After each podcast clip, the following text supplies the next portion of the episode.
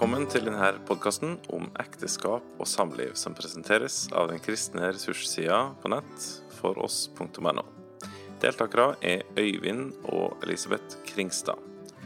Målet med podkasten er å styrke og hjelpe ekteskapene gjennom å snakke om og løfte fram viktige emner i samlivet.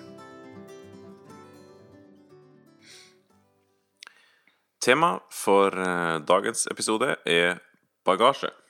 Mhm. Og da snakker vi jo ikke om den bagasjen vi har med oss på tur. Men en annen type bagasje.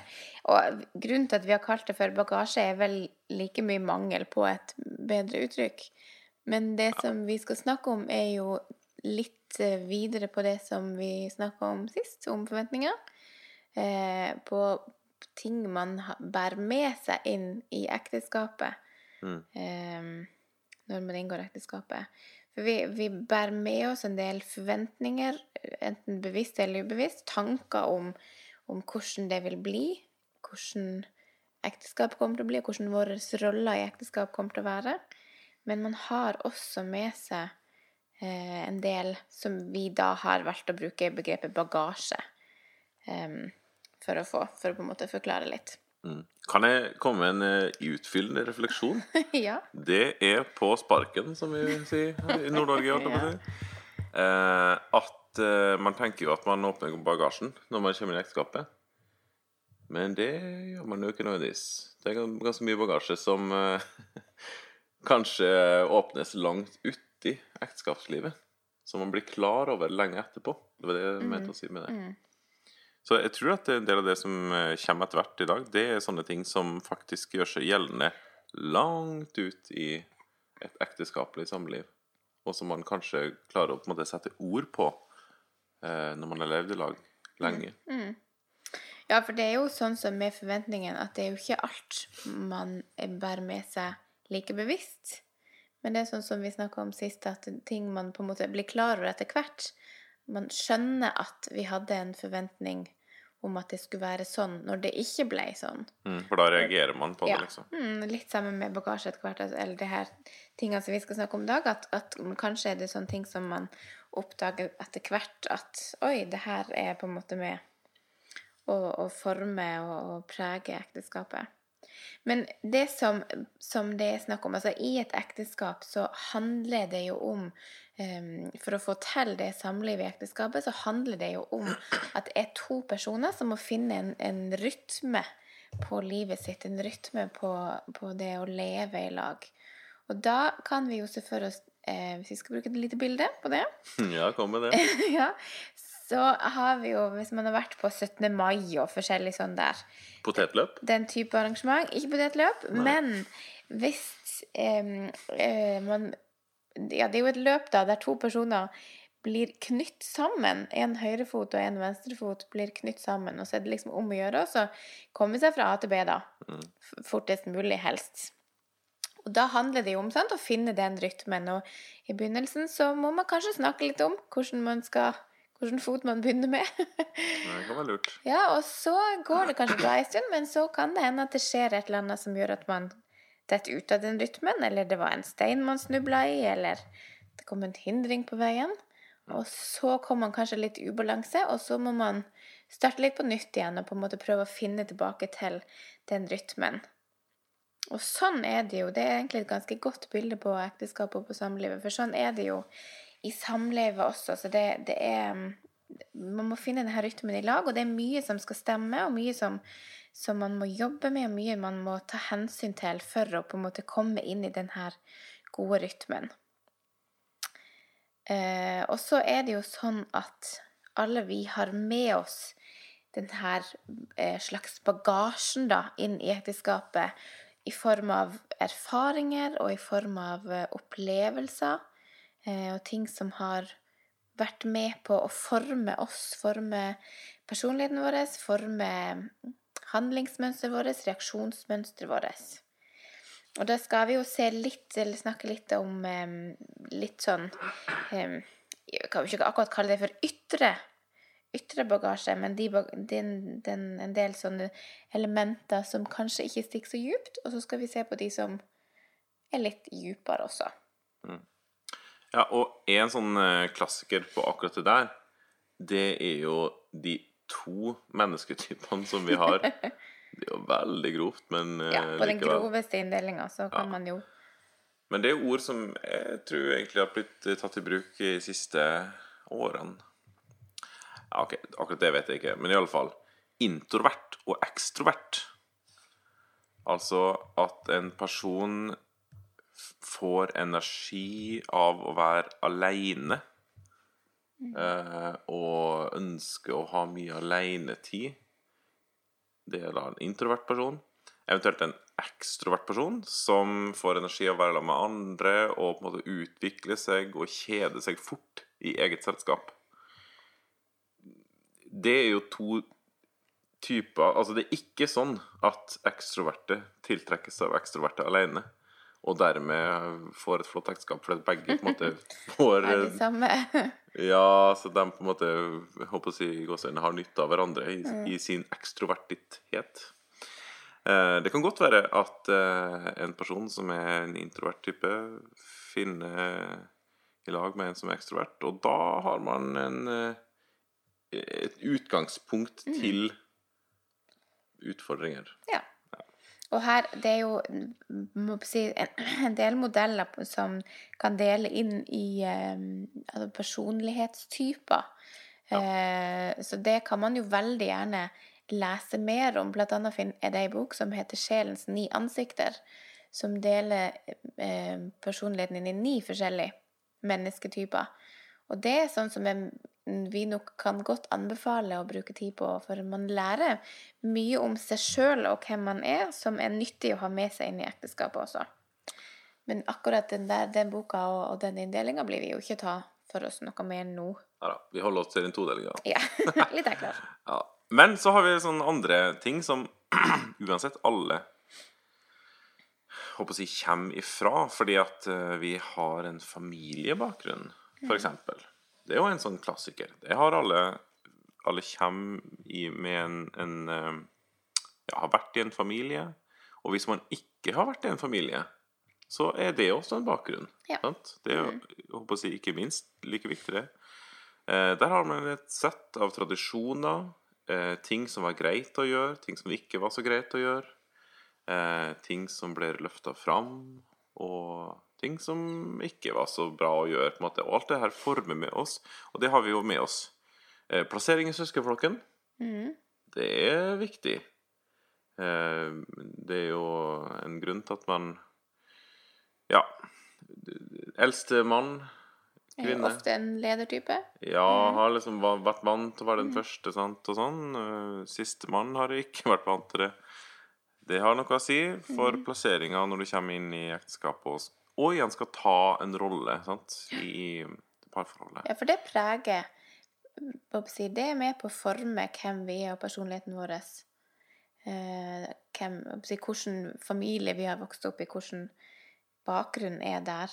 Ja, og så har du eh, Når man går inn, inn, inn i et ekteskap, så har man jo selvfølgelig sett sine foreldres ekteskap, eller iallfall samliv. Og eh, da har du familier med veldig sterke og klare forventninger til kjønnsroller, f.eks. Mhm. Eh, eventuelt ikke. Ja, begge deler er med. Og eksempel hvordan en viser kjærlighet, det skal vi jo kanskje si litt mer om senere også, men hvordan viste mamma og pappa Hvordan viste mamma at hun var glad i pappa? Hvordan kom det til uttrykk? Og det jo, legger jo et fundament på mange måter, litt sånn ubevisst, for en mann i et ekteskap, hvordan han på en måte tenker og forventer at kona skal vise kjærlighet til han. Og en, hvis vi skal holde til menn, da, så vil jo en som mann ha sin fars uttrykk for kjærlighet til sin mor.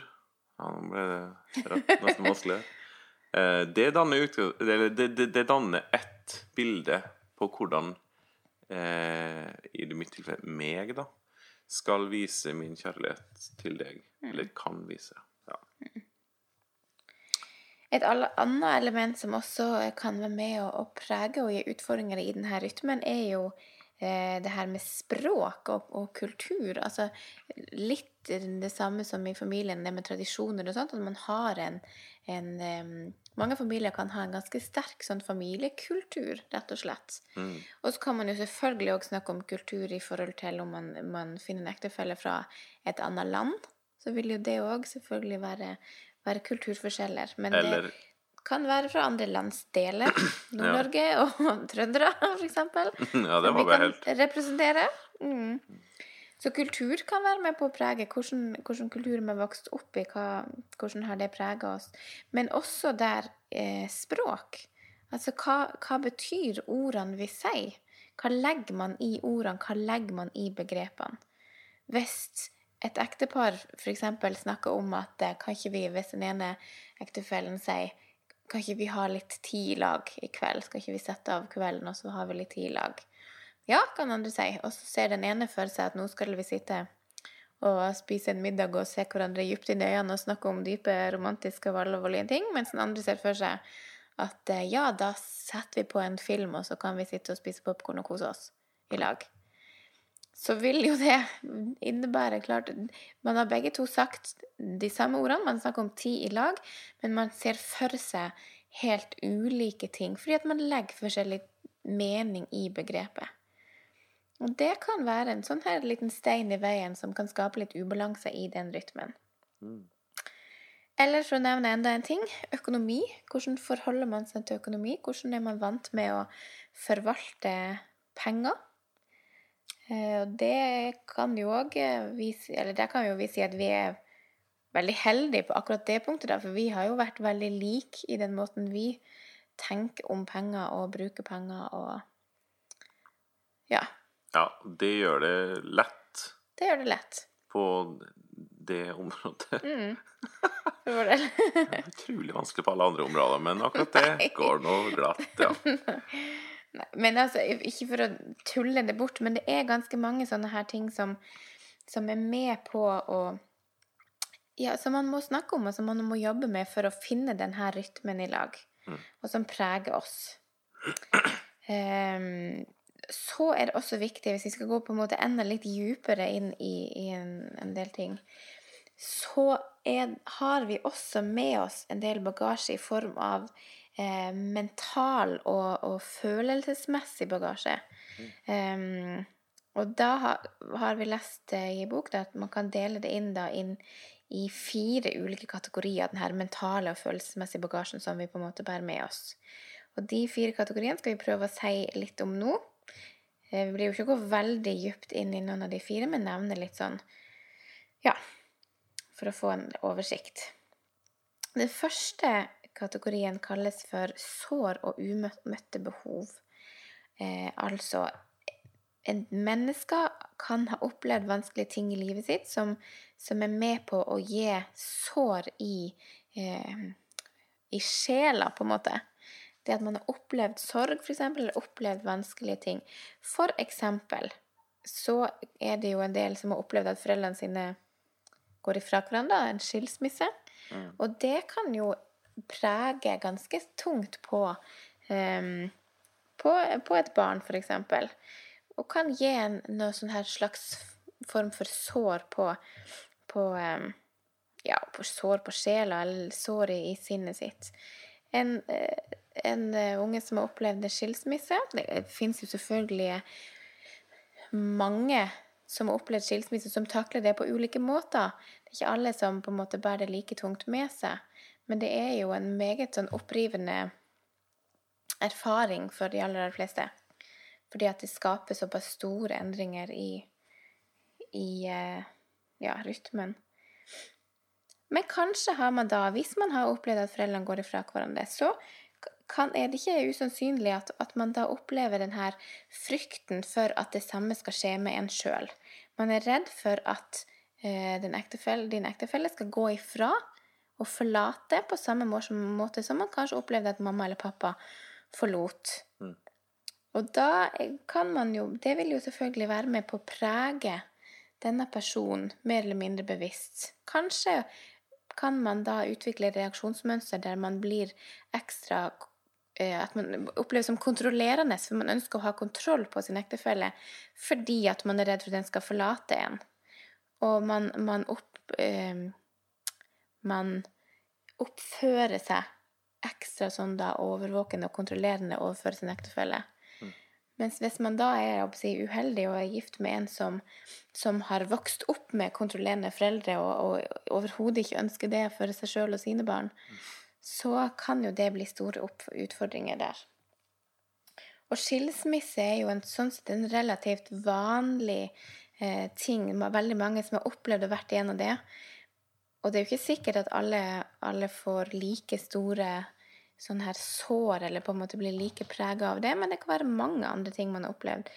Overgrep eller eh, ja, vold eller hva forskjellig, både mentalt og fysisk.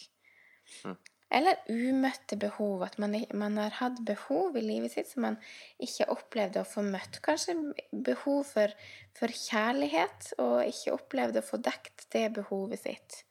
Eller nærhet, eller ja, den type ting.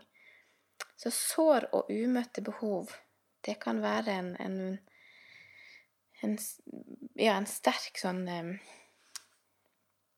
Hva skal man si? Bagasje? Koffert? Ja, ja en tung koffert å Tung koffert. på en måte bære med seg, ja. Mm. Så man må være klar over, så man må være bevisst på at man kanskje har med seg. Ja. Kategori to eh, kalles for vårt tapte skjøll. Når man vokser opp, så utvikler man seg jo og på en måte finner seg sjøl og utvikler sin egen personlighet og finner ut hvem man er, og hvem man ønsker å være. Og denne utviklinga skjer jo i en prosess med omgivelsene. Altså man Omgivelsene og den responsen man får fra de rundt, er med på å på en måte fremelske noen sider ved oss, eventuelt holde, ande, holde nede noen sider ved oss. Mm. Um, for eksempel hvis man eh, har vokst opp i en familie der eh, det akademiske henger tungt, mens man sjøl er en, en, kreativ person og ønsker å bruke tid på det, så kan det hende at, at den responsen man får fra omgivelsene, vil være med på, på å legge en demper på den der kreative sida av seg sjøl, for man opplever at det ikke ble så verdsatt. Eh, og da har man på en måte tapt i gåseøynene litt av seg sjøl, kanskje. Og ofte så er det sånn at Eller ofte, men iallfall ikke uvanlig, så kan man godt falle for personer som har disse egenskapene som man sjøl har opplevd at man ikke på en måte har fått levd ut like mye. Fordi at man blir fascinert av mennesker som, som på en måte har fått den muligheten som man sjøl ikke har. Men også det her i på en måte større eller mindre grad av bevissthet rundt akkurat dette. Ja, så har vi en tredje kategori, eller ryggsekk, om du vil. Overlevelsesstrategier. Og det er rett og slett vår løsning på det her som vi har med oss. altså, hvordan takler jeg det? Hvordan takler vi det? En strategi for å måte, finne veien ut av det her, da. Mestre utfordringene, rett og slett, i livet, da. Og da kan man Det er jo selvfølgelig i si, litteratur, og når man skal, skal, beskrive et fenomen, så, så, trekker man på en måte ut ytterpunktene. Og så befinner vi oss en eller annen plass på en skala her. Og på det ene ytterpunktet så har vi da eh, Det her er selvfølgelig dyr på denne skalaen her. ja, for å bruke som bilde ja, på mm, Selvfølgelig bilde. Ja. Eh, på den sida så har vi skilpadden. Da som en skilpadde, hvis det blir uh, mye støy og bråk og utfordringer, og det som oppleves farlig eller ubehagelig, så trekker man seg inn i skallet og blir stille. Uh, og det er jo én strategi når det blir utfordringer. Når, når, det blir et eller annet som du må takle i livet. Man blir som en skilpadde. Trekker seg sammen. Her har du et strålende eksempel. ja. Her var nok min farfar en, en litt sånn type skilpadde. Eh, min farmor har fortalt at eh, når, når de på en måte hadde konflikter, eller hun ønska å, å få snakke om ting, og det var en form for konfrontasjon, så, så gikk han. han, ville ikke, han ville ikke høre på, han ville ikke han opplevde det utfordrende, så han, så han gikk og trakk seg tilbake for seg sjøl og var alene. Så han var nok absolutt på den der skilpaddesida av den skalaen. Og så har du på andre sida, da, og det er jo ikke derved at din farmor var på den sida, men eh, Ja, samme det. Eh, det er jo da sjimpansen. Eh, eller et annet høyttalende og utagerende dyr. Eh, som For å mestre utfordringen så snakker man høyt, eh, fort, tydelig, ofte, og gjør mye ut av seg, rett og slett. da. Markerer, på en måte. Ja, markere sitt standpunkt og snakke med store bokstaver. Ja. Og folk er ikke enten-eller, det skjønner vi. Vi er en eller annen plass underveis her mellom de her to, og noen situasjoner vil kanskje um, gjøre at man velger skilpaddestrategien. Andre vil velge eh, Andre situasjoner vil gjøre at man velger sjimpansestrategien. Så man er ikke en, eller annen, en av de personene, men begge deler gir uttrykk for måter å takle ting på. Og ingen av dem er spesielt konstruktive. I, i sin reindyrka form, nei. Nei. Så det der er veldig nyttig å tenke gjennom og på en måte ha et reflektert forhold til. Eh, og finne på en måte seg sjøl måten jeg reagerer på. Er det noe egentlig så lurt, liksom? Gjør- Er, det, er det måten å gjøre det på? Ja. Den siste kategorien kalles for imago. Og det, det her imago er liksom et sånn her indre bilde som vi har forma oss eh, etter hvem det er vi lengter å dele livet med. Hvordan skal den personen som vi ønsker å dele livet med, hvordan skal denne personen være? Og igjen, som noen ting, mer eller mindre bevisst. Eh, det her imagoet er liksom Man kan si at, at det blir forma eh, Det blir skapt av omsorgspersoner i oppveksten. Altså, hvordan har man møtt omsorg og kjærlighet? Hvem er det som har vært med på å gi en omsorg og kjærlighet, og hvordan har disse personene vært? Og det som vi da, eller den vi tiltrekkes av, eh, vil ofte være med på å repetere, eller, eller ja, mm, repetere det som da var godt eh, i oppveksten. Den som man eh, møtte kjærlighet fra. For eksempel, det er jo kanskje ikke det beste eksempelet, men, men når jeg var yngre og um, forelska meg i gutter og sånn, så Nei, forelska meg Nei da. Forelska meg i gutter. Så var det jo veldig mye snakk om, om på en måte kjekke gutter, sant, og, og han hadde så fint hår, og han hadde så fine øyne, og han hadde så fine hender og sånn.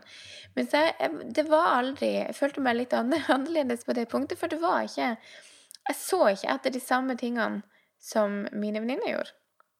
Det jeg ble tiltrukket av, var jo da altså ryggen til guttene. Mm.